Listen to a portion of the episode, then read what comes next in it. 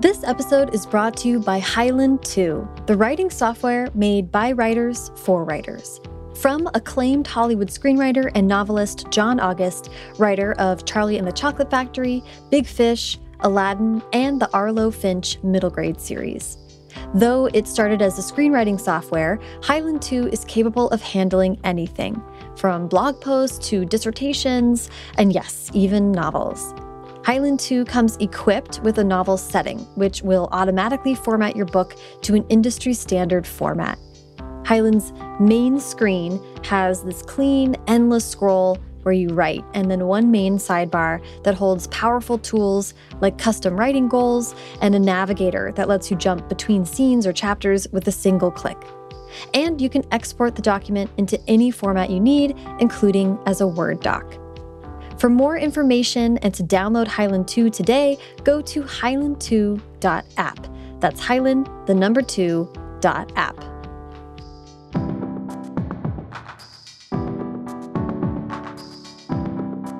Welcome to First Draft with me, Sarah Enni.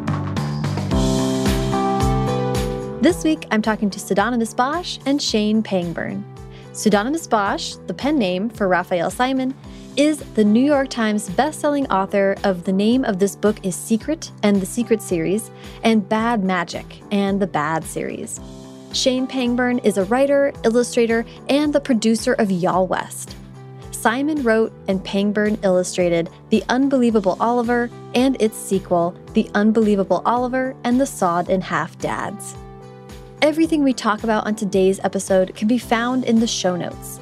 First Draft participates in affiliate programs and specifically bookshop.org. That means that when you shop through the links on firstdraftpod.com, it helps to support the show and independent bookstores at no additional cost to you. If you'd like to donate to First Draft, either on a one-time or monthly basis, simply go to paypal.me slash firstdraftpod. Also, I hope you're listening in to the Track Changes episodes that have been dropping in the First Draft feed. Track Changes is a spin off series from First Draft that gets into everything you don't know you don't know about traditional publishing in the US.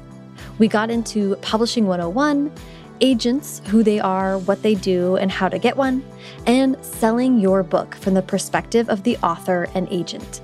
The next episode, which will drop May 28th, goes behind the scenes of what a book sale looks like from the editor's side acquisitions meetings, P&Ls, BookScan, and more. If you're looking to get even more in depth about publishing, I've also created the Track Changes newsletter, where every Thursday I share more of the information I gathered in researching for track changes, as well as links to other articles, podcasts, and resources that I hope will empower every reader to think about their art as their career. You can sign up for a 30-day free trial of the newsletter and learn more about both Track Changes projects at firstdraftpod.com slash track changes. Okay, now please sit back, relax, and enjoy my conversation with Rafi and Shane. Okay, uh, to get us started, since we are three different voices on the podcast, I'd love it if you guys could introduce yourselves so we get the listener gets your voice correct. Hi, I'm uh, pseudonymous Bosch, but uh, for the purposes of today, I'll go by my other pseudonym, Rafi. That's short for Raphael Simon, in case anybody really wants to know. Uh, and I'm Shane Pangburn. Uh, that's it. Shane Pangburn That's also has appeared. It's not all an, an author and Oh, am I giving credentials? yeah, well, yeah. Author and illustrator, illustrator of the Unbelievable Oliver series uh, by Pseudonymous Bosch or Rafi, Yeah. if you will, uh, and uh, a event coordinator, including Y'all West Book Fest. Yes, and any listener who hasn't should go back and listen to the first draft episode where Shane was interviewed with Tori Hill. The two of them put together the Y'all West Festival every year, and that was a really informative and interesting interview about how to how book festivals come together, uh, um, or don't, or all the challenges along the way. And how we all occasionally come together. Yeah. Yeah. Yeah, which is so fun. So I like to start all my interviews with a little bit of bio, a little bit of background. So uh, I'd love for each of you to let me know where you were born and raised. where I was born and raised. Okay, this is um, in the nature of a scoop. I think I like I, you know, I for uh, listeners who don't know, I've written under this name pseudonymous Bosch for uh, over ten years. I guess the first book was in two thousand seven, and for many years it was a real secret. My identity. I wasn't even Googleable for a long time. Really? And we worked hard at that.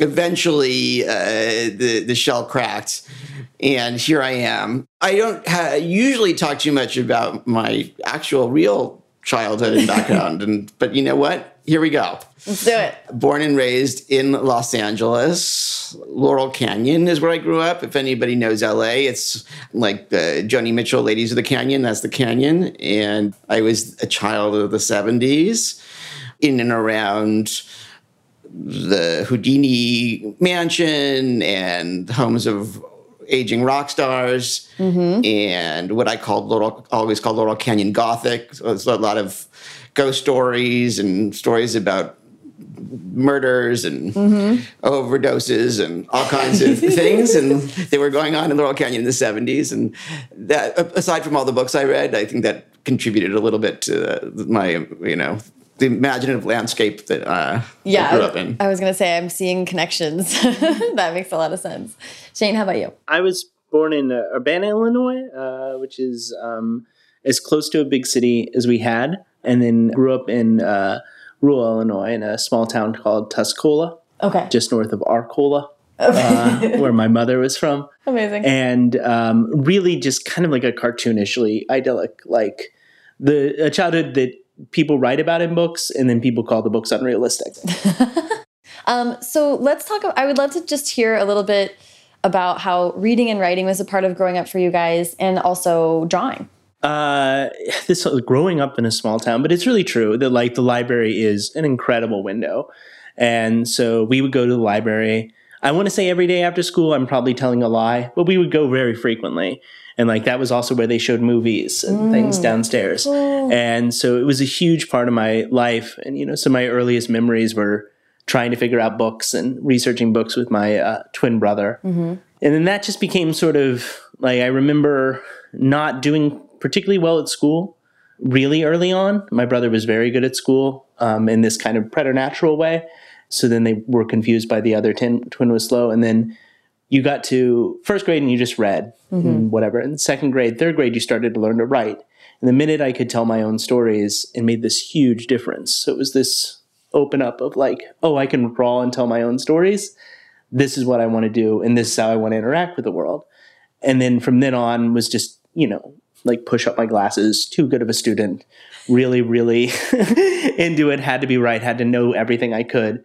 Um, and, you know, in a small town, you can't know everything you can, but try and do the research there. And then drawing was just always part of that. And that became the ability to draw was just something that I kind of always had, but wasn't never really set up to be an artist. Like, did When you say drawing was a part of that, did you think you thought of drawing as uh, as a storytelling medium? only, only, yeah, I only thought of drawing as a secondary to story, and all through life that way. Like when I really started drawing professionally, it was college, and I started doing a daily cartoon, and that was really just like they had an opening for a daily cartoonist because someone said something.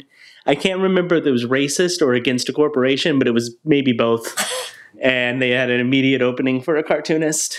Uh, and if you know Shane, Shane's the kind of person that takes whatever job is assigned without considering, uh, you know, whether he can do it or whether he would naturally be the right fit.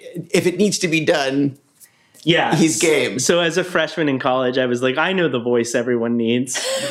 Uh, And then that just became my voice for like five years of drawing every day, and that Wow. then was like became riding a bike to where drawing was a professional possibility. Was was the daily cartoon you were doing a one frame, or was it a strip? Or It was a strip. It was Wow. an, it was an intense amount of work, and then I would do also one frames and not so much political cartoons. God knows what my politics were in college. I mean, I know like libertarian who doesn't know what he's talking about, ah yeah. and uh, and that also grew as I got older in college, and even the political cartoons got more nuanced, and the strip got extraordinarily nuanced. Uh, like when I would go through breakups or something, you would just be like, "Oh, he's got two hours to draw today."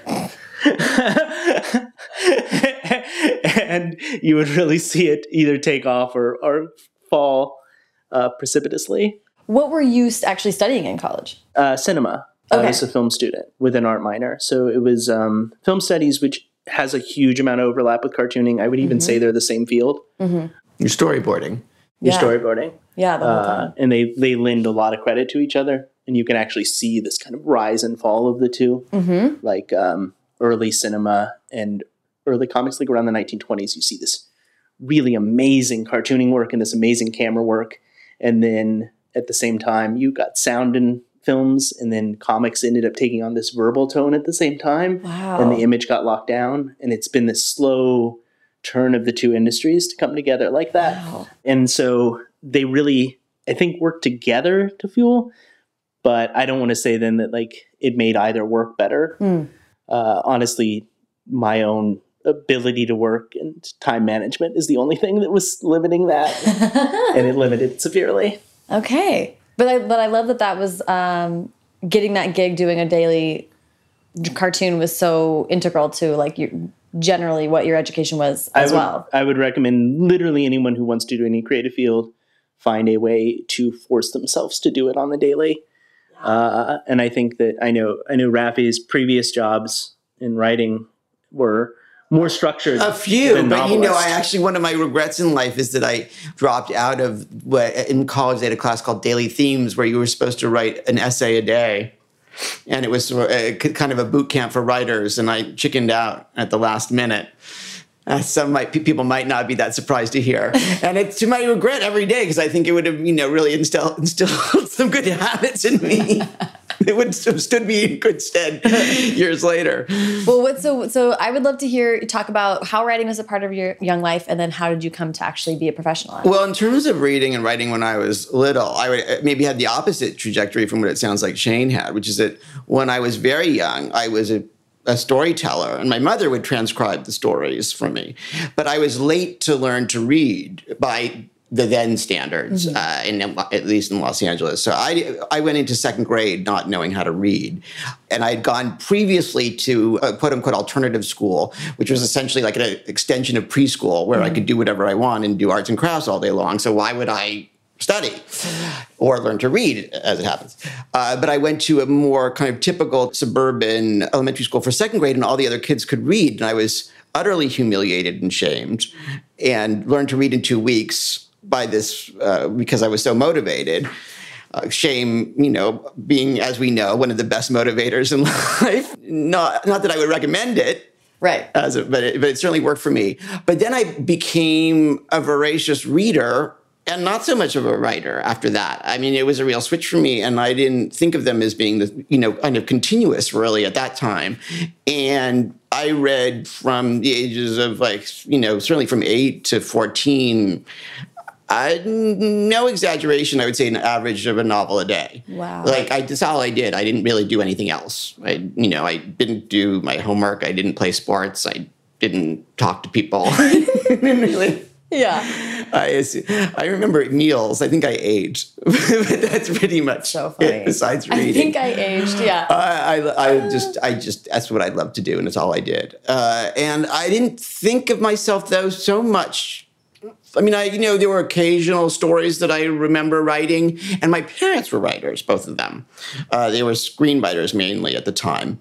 But I grew up in a household where it was just kind of natural to break down stories over a you know dinner or lunch and like I edited my parents' manuscripts from you know as soon as from the time I could read really Wow. and you know to this day that's what I'm most comfortable with and probably what I should have done with my life um, so writing kind kind of really I you know I wrote I remember I wrote one story you know I wrote a couple I wrote a couple pieces in high school for uh, a free weekly in Los Angeles, uh, kind of a predecessor to the LA Weekly called the LA Reader. Uh, and that was kind of thrilling to me. And, uh, you know, I think because it was, you know, it was paid professional writing and I was a teenager and that was very cool. so I think that gave me an idea at the time that maybe that you know I might have a career in journalism or uh, as an essayist. That's what that was the word I sort of hung on to. Yeah.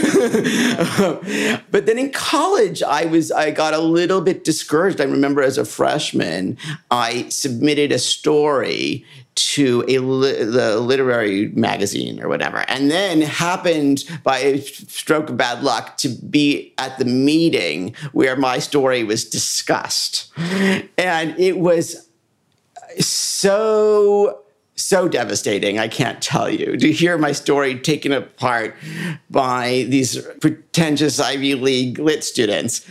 And um, it was a kind of LA teen story that I'd written. Some people may be amused to know was kind of inspired by uh, experiences with my best friend from high school, Margaret Stohl, uh, who is also a YA author. People may be familiar with.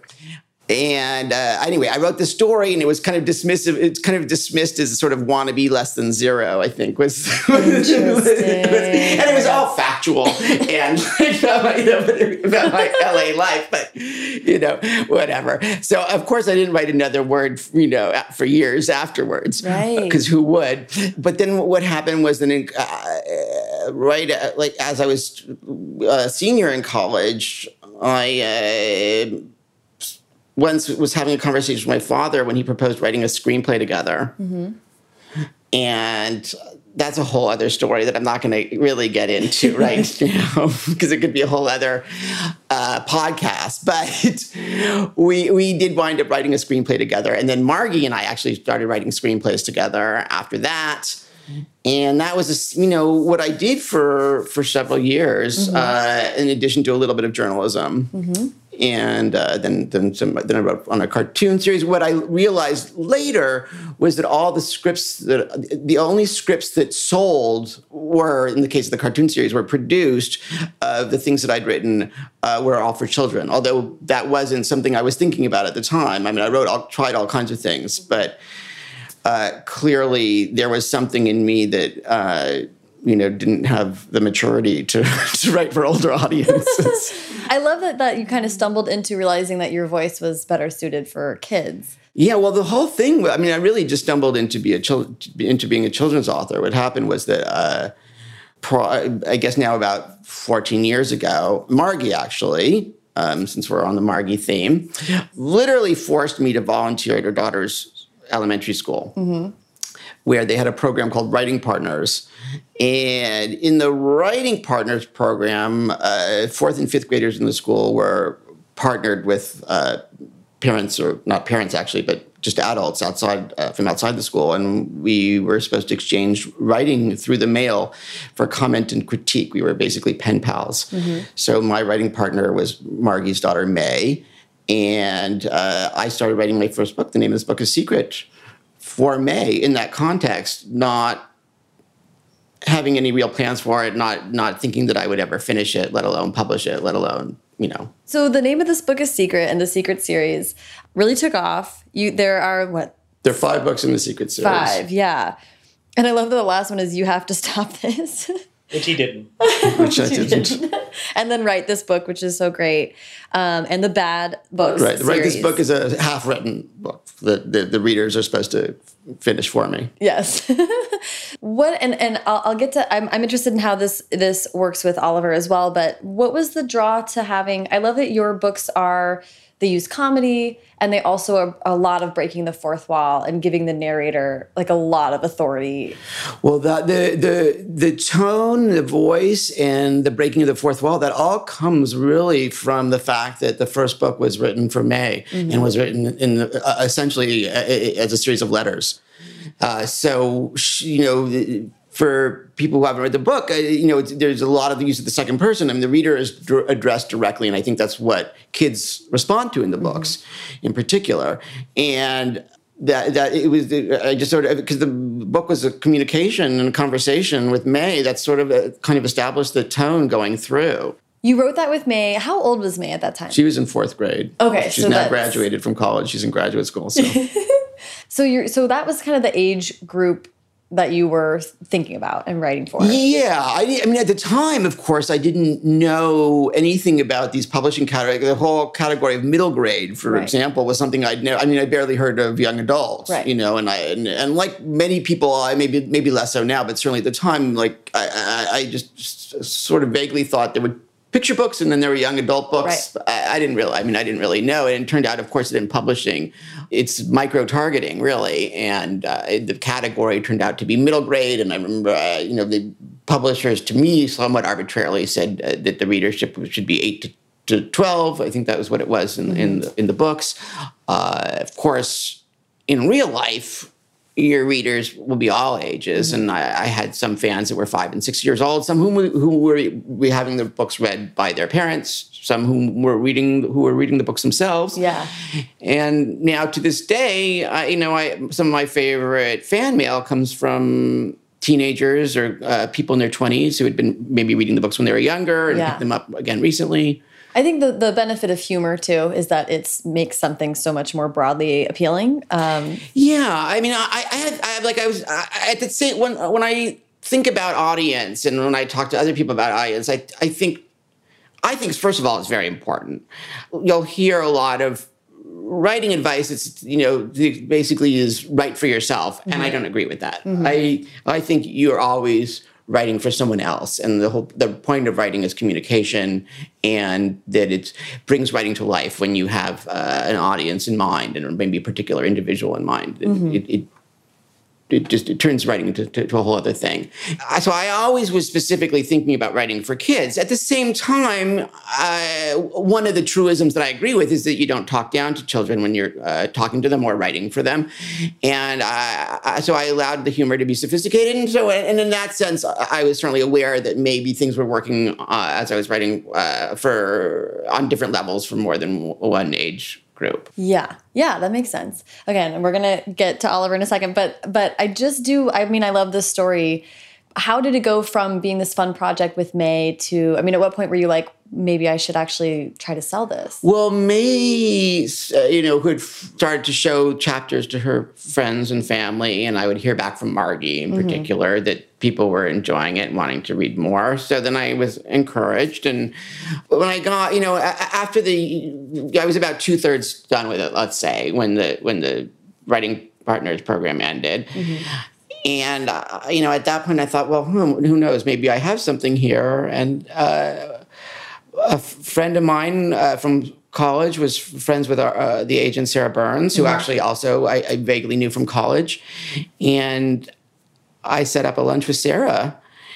And she was encouraging, and then I, I sent her uh, what I had, and she was very encouraging about that, and in fact was willing to go out with it then as an unfinished manuscript. I, I think, rightly and surprisingly for me. Said no i'm going to finish it. I just wanted to know that there might be a you know a real audience for it. Yeah. Uh, so i did that and then and then she went out with it. And and, and uh, so it was part, it was really i think at the end it was sarah's encouragement that got me to the finish line. Yeah and she, and sarah's also been on the podcast. I interviewed her when my book came out so people can go hear her um, speak very intelligently about publishing. Then you got to kind of explore a little bit something different in the bad books. I feel like there's less of a narrative well, I was I was trying to you know I was trying to experiment a little bit with my voice and kind of, because I you know I, I felt that in the Secret series, Pseudonymous Bosch sort of tended to take over, and I wanted to see if I could maybe foreground story, I mm-hmm. guess, mm-hmm. uh, and have a slightly more you know mature uh, style. I don't know to the extent whether it worked or not, but that was the attempt. So let's let's talk about Unbelievable Oliver and how this idea came about. Um, but by first saying, like, how did you guys meet? How did you come to know each other? We met through book events. I think I um, was a children's book seller, and I ran the children's department at a Barnes and Noble back when they specialized people like that in Santa uh, Monica. In Santa Monica. And I already had come across his books as they were promoted. And, you know, I think by then there were about two books. I remember his grandmother came in and uh, amazing. Uh, yeah, that was at the time that I was really trying to stay anonymous as well. So I took the whole secrecy thing kind of seriously. This like, extremely no! secretive author. But not to his grandmother, who was like, "Well, you know, this is my grandson." Oh Sorry, my and he uh, and she was very proud, and rightfully so. and I'd already intended to read the book, um, and did, and made it part of my. I like that it was, but it was partly my grandmother Oh, that inspired handsome- you to read. yeah, if you could just hand sell with your grandmother everywhere, Yeah. that's literally what did it. And I uh, That's so funny. and I then uh, put it as the book club, the super cool top secret book club that we had, which was just like two kids and me. Yes. But it was part of that. And then uh, we did sell a lot of the book. They sent you to the Santa Monica store. Yeah, we Uh, did an event together. to we do did, an wound event. up doing a few, but yeah, we wound up, I think, doing four events over the years. Mm-hmm. Uh, but I did like my first event with him for I think the third book, Mm-hmm. and just kept in contact after that because we got along. I had to wear the white gloves for the first book event, and like and then I believe it was uh, I believe I, I was the one who suggested you uh, for a job at Y'all West. I, I, the story goes that it was Lewis. Maybe it was Lewis. I don't So- know. I think uh, maybe so. I don't know. I remember as I remember it, I was the one, but it's probably probably it was Lewis. That's So- Margie's husband. I think I think you were a confirming factor. maybe so. So I'd also did book events with Margaret Stohl, Melissa De La Cruz, and all the Y'all West crew. Uh, so when Y'all West needed someone to run the event, my name came up. Maybe through Pseudonymous Bosch, maybe through Lewis Peterson. So uh, and so then we worked together through Y'all West, and then I actually worked as an assistant uh, to Mr. Raphael Simon for several years. For several years, Let, well, let's talk about how this, how the idea for Oliver came about. Well, uh, that aspect of it, at least, came from uh, one of the rumors about pseudonymous Bosch. Uh, you know, when you're an anonymous, pseudonymous, and mysterious author, like I am, people will say all kinds of things about you. Uh, and one of the rumors that I that I tend to repeat uh, is, is is that I don't write the books that my rab- that the rabbit writes them for me. That got me thinking about a magician and a rabbit because in fact that was the history with my rabbit was that uh, you know from the very beginning when i would do appearances as pseudonymous bosch i would bring a real live rabbit made out of felt and three-dimensional who fit my hat. And i thought about a magician who had a rabbit who was like the secret brains behind the magic act. That was like the seed of the idea. And then that became of course since for children a, a boy rabbit i mean a boy boy rabbit a boy magician. And uh, hence oliver was born a kind of hapless eight-year-old who uh, teams up with this uh, rabbit named Benny, who's on the lam, having escaped the Las Vegas stage, uh, but uh, knows all the old tricks and uh, promises to teach them to Oliver in exchange for his share of the money. they split. They split it right down the middle, 50, 40, 60, 40, as Benny says. This story to me, it's Oliver. The first book is uh, The Unbelievable Oliver and the Four Jokers. And it's a little bit younger of an age group. And your books always have beautiful illustrations as a part of their presentation. But what made you want to have this book have illustration be more of a part of the story? Well, now, now this is when we get, get to my own children. Really, is what what that was the origin of that. Uh, I have twin daughters, India and Natalia. I, Raphael Simon, not pseudonymous Bosch, who were uh, seven and eight years old when I first started thinking about Oliver. At the time, they were avid graphic novel readers, just and manga as well. Yeah. big fans of uh, Sailor Moon, if anybody knows Sailor Moon, uh, and and lots of wonderful graphic novels that I that I loved. But it was all they would read, and I you know began to get a little frustrated and antsy that they wouldn't read anything else uh, as much as I might like graphic novels. I wanted them to read, oh, I don't know, maybe my books, for example. and and they just wouldn't. They'd like out and out refuse to read anything uh, other than graphic novels. Uh, but there were a couple uh, what they call in publishing uh, chapter books uh, that they liked. Uh, Ivy and Bean being the one that really pops up in my head, but a couple others as well. And I thought, well, you know what? Maybe it would be fun to to diversify a little bit and try this format. You know, I I, I had. I, you know, the, I've tried once or twice over the years to write picture books, mm-hmm. and still may someday. But if, as, if anybody's tried to write a picture book, it's not as easy as it looks at all. Not at all. And I thought, well, maybe this would be a more natural fit for me. And I and you know, I started talking to people who liked the idea of doing that. And then, and that, that of course would have more illustration if I was going to do a chapter. I mean, that was be part of the point. Uh, and I thought, well, who could do illustration for me that also might have a little bit of a comics background? And I sort of, you know, walked around a circle and, you know, stumbled into Shane, who was happened to be sitting by my side. yeah, uh, he looked everywhere and then quit looking. Uh, yeah, I will say this: Shane is an incredibly talented illustrator and a man of many talents in general. But I, I will say is that on the one hand, it was natural because I knew him really well, and I knew he better than anyone in the world understood my sensibility and humor and would be able to collaborate with me. But it was also a slight leap of faith because he had never done a book before. Yeah, I, I'd done textbooks and mm. comics, but never a full book. And it's a lot. I mean, this book, uh, the first book, is roughly almost 200 pages with an illustration on every page. Wow. So it's, I mean, frankly, it is the biggest project I'd ever undertaken uh, at least in print. Mm-hmm. Uh, and it was a lot of faith to put in me. And uh, I think most of it not misspent, but it was to have that collaboration, have someone trust me and someone I trusted uh, go into that was, um, it was, I think, a good fit. And it's been a lot of work, but it's been rewarding too to have a product that I think fits the demo we were both working with. I mean, that chapter book level is one I think that gets overlooked, mm-hmm.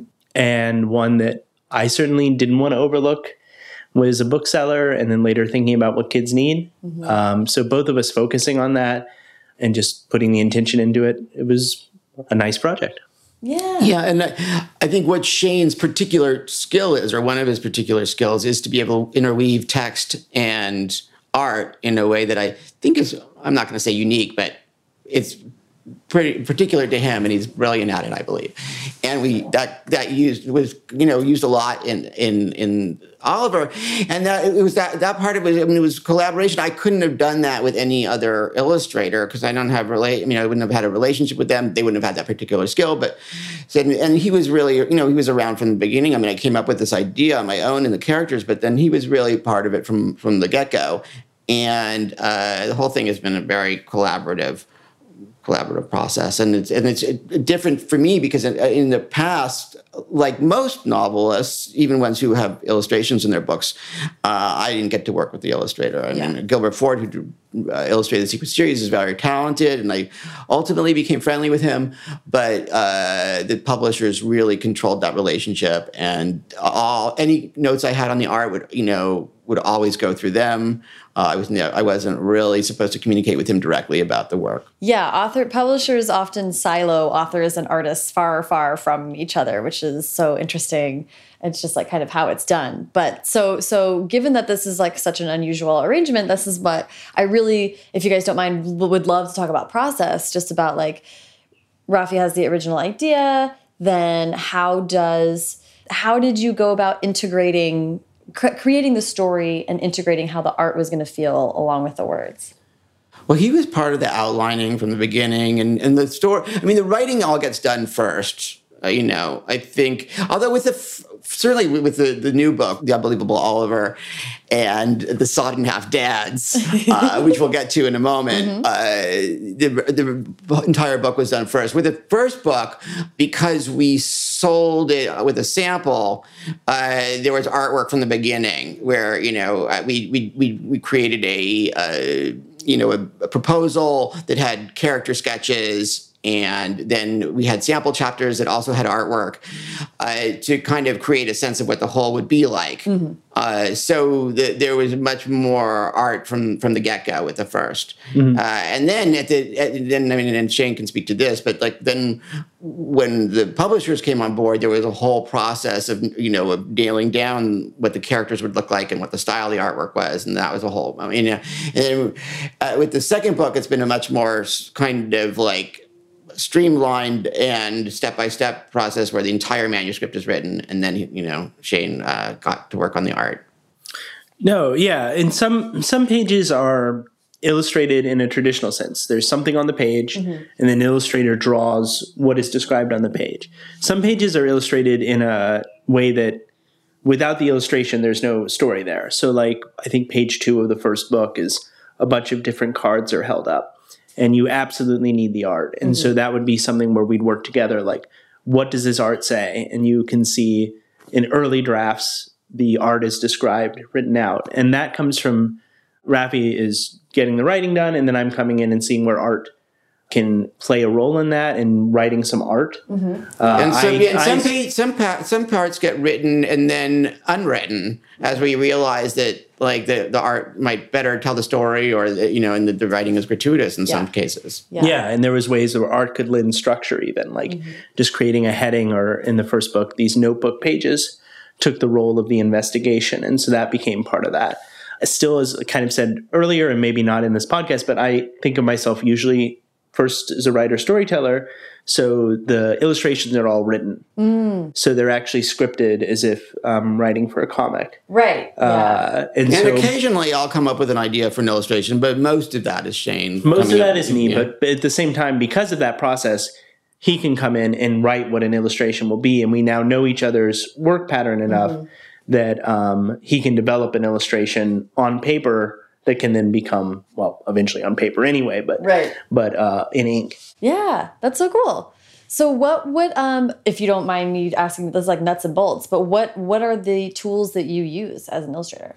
so when we first pitched the book, it was pen and ink, and it had sophisticated is not the right word because that's never a right description of my style but it was um, it had an earthier quality as we kept going it became clear that for that age bracket and to hit that audience and to give them a cuter look. It ended up getting cleaner and cleaner and now it's all done in um, a program called adobe illustrator. Um, there's a lot of hand drawing ahead of time and in some cases the hand drawing does make it into the book but a lot of times it's then translated through this program, which is something I've used since I was 15.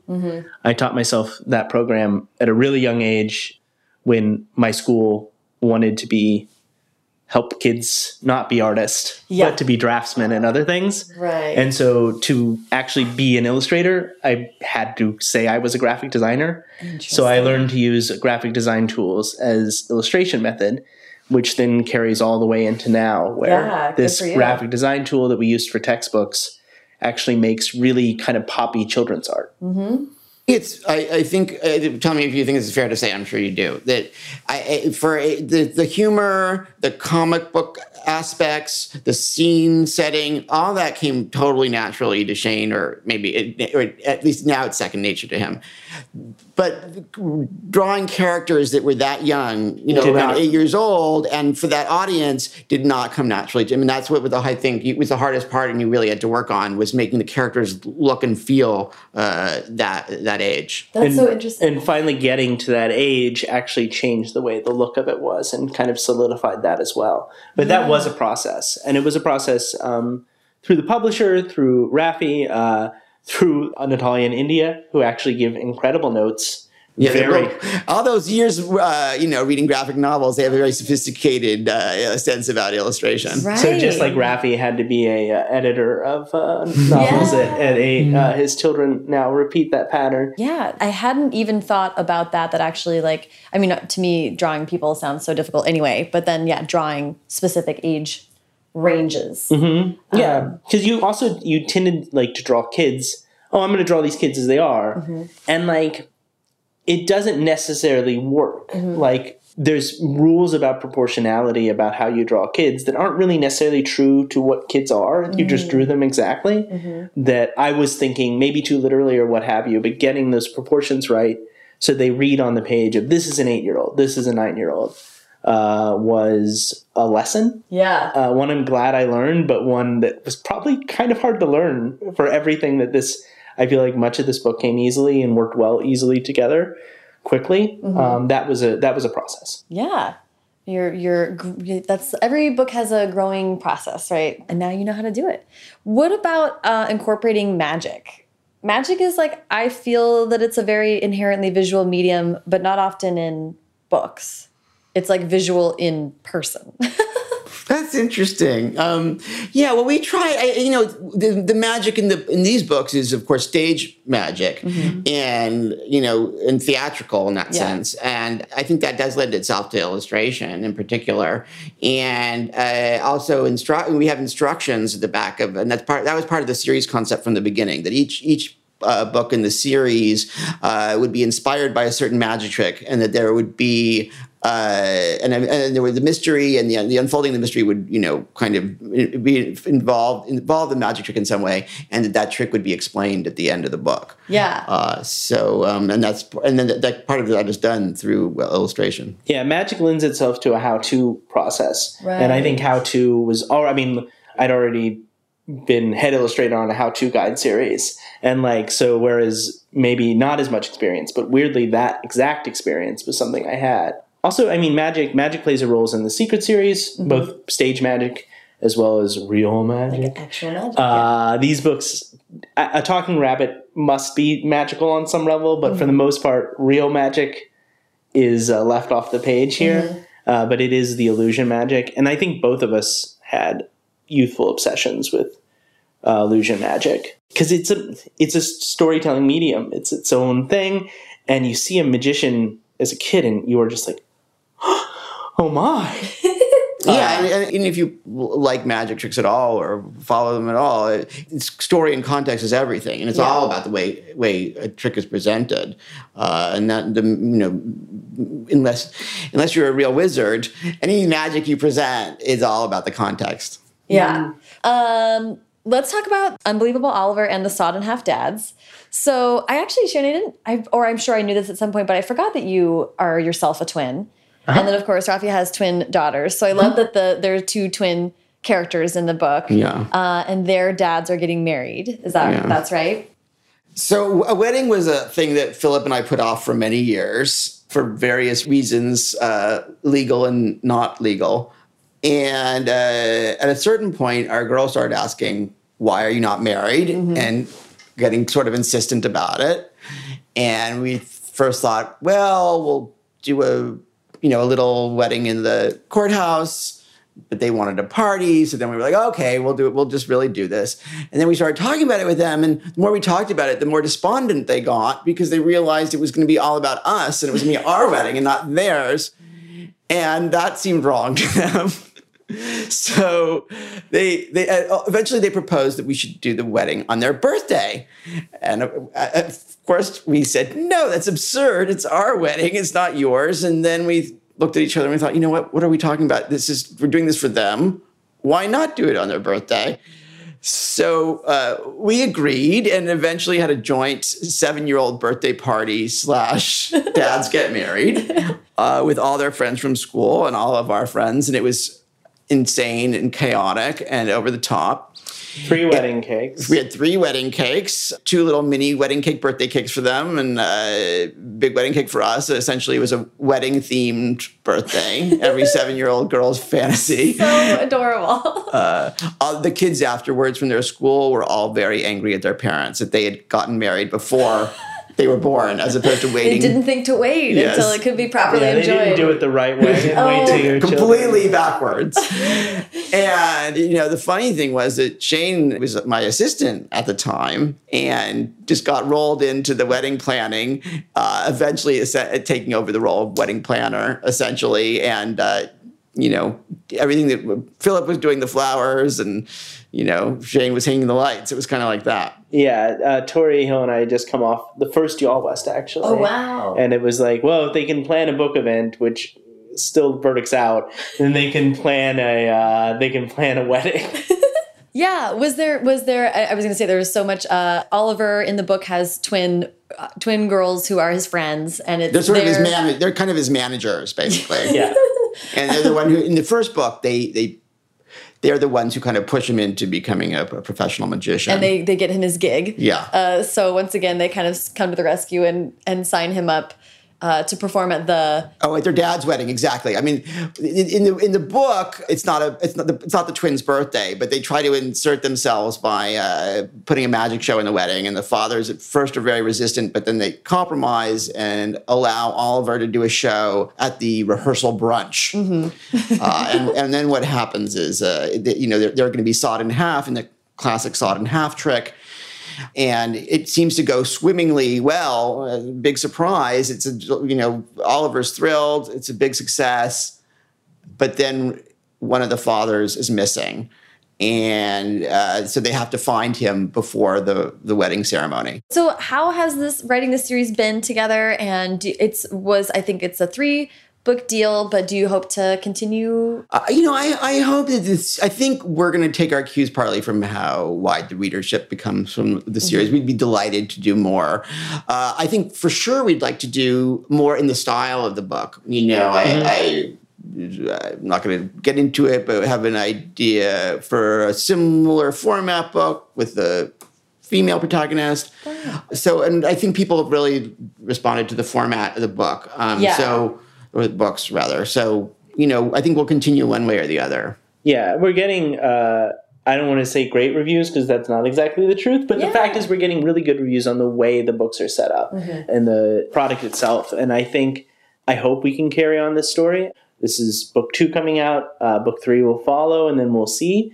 But I do think that us working together and the working in this style is something we want to continue. Yeah, and I, think in your in the book that Shane is working on individually, uh, it's it's it's more of a classic middle grade, a little longer, beefier of book. But I think you've, you're incorporating a little bit of the style that you developed. Uh, Yeah. Oh, that's great. So are you are you you're writing prose and illustrating that whole thing? That's yeah so, so, the the other series which you know the other book uh we're so early in the process that even saying title etc Yeah. is, No. Yeah. uh, but it is going to incorporate uh, illustration with text uh, in a similar way this time kind of making it older so it's a little more video based but this book actually the second book in oliver has a lot of video too um what do you mean by that video? Illustrations of video, illustrations of video of video Oh. frames, like it's uh, you know. Oh, okay. Yeah. Like in the first book, there are a lot of uh, still, or one or two, I guess, at Stills still, of stills and phones. phones. And in in the in the second book, there's more, you know, video stills that Okay. are illustrated. I think I know what, what you mean. Well, in other that. words, like a, imagine a wedding video, yeah but it's but, it. it, but you're seeing frames of it in the I see. on I the see. I see. Okay. Yeah. Okay. Yeah, so there are elements of this style that'll be very, very important in the other book too. Cool. Uh, and that's something where uh, Rafi is returning to his role as editor, uh, his his rightful place. Uh, Editor slash boss. Yes. Right. yeah, and I'll return to my role as employee. So I'm gonna do uh, ask you guys for advice. Maybe advice about like writing comedically or writing for younger audiences. I, you know, I I think what I was talking about earlier is really uh, one of my favorite pieces of advice to give, which is simply to think about an audience, to, to write for or to someone, as opposed to uh, spinning out and writing for yourself, trying to Yeah. write for yourself and going crazy, which is what I normally do myself. Right. Like kind of Not those paying attention to my own, but but if you think about who you're writing for, like I said, it brings the writing to life, and it also can make, make it much easier and more fun to write as well. yeah. I think writing um, on deadlines, either self-imposed or uh, through some structure, what created me as a writer was a daily comic, and having a pattern to your work to make you have to get the joke out, you have to get the idea out. And as far as comedy writing, I think uh, writing temporally helps. So writing uh, with frames of a comic actually help with pacing because you can only say so much and you have to say it in a certain order. That works with short videos. You can write a TikTok. You can write uh, uh, a quick response on Instagram, and you can find that these tools that we use every day, maybe just for silly communication, can also help develop a pattern of speech. And I know your work speaks so well through your own work, uh, social media wise. That, that I know that helped make your first book a, a really funny treat. Thanks. Yeah, it was. That's so funny. I did. That's the trick. It was just I'm on Instagram all the time. Let's make a book about Instagram. it really worked out for me. It's good advice. Um, well, thank you guys so much. I really appreciate that, and and this was so fun. Thanks, Sarah. Thank you so much to Rafi, aka Pseudonymous Bosch, and Shane. Follow Rafi on Twitter and Instagram at isthispbosh and Shane at Shane Pang. Follow me on both at Sarah Enni and the show at First Draft Pod. This show was brought to you by Highland 2, the writing software that I am using to revise my current project. I'm definitely using it. I'm not procrastinating. I'm definitely editing my book currently in Highland 2. if you'd like to support First Draft, a quick and easy way to do that is by subscribing to the podcast wherever you're listening right now. And if you have a couple minutes, leaving a rating or review on Apple Podcasts. I am going to read a recent five star review that was left for the show this was left by Maya Kanga. Maya says, I was a teenager that grew up on early days of YA and wanted to be a novelist, and then other pursuits took over. This podcast has been a door back into the publishing industry and all the writers I grew up on, plus many more. Sarah is an amazing host who goes above and beyond in researching her guests and their work, allowing for engaging discussions for both her guests and listeners. Thank you so much, Maya. That's an incredibly kind review. I'm so appreciative that you found the show, that it's a way back to discover your passion for reading and writing. And thank you so much for taking the time to leave that review. Really made my day. If you have writing or creativity questions that you'd like me and a guest to answer in an upcoming mailbag episode, please call and leave your question at First Draft's voicemail box. That's at 818 533 1998 or you can record yourself asking the question and email it to me at mailbag at firstdraftpod.com. Haley Hirschman produces First Draft, and today's episode was produced and sound designed by Callie Wright. The theme music is by Dan Bailey, and the logo was designed by Colin Keith.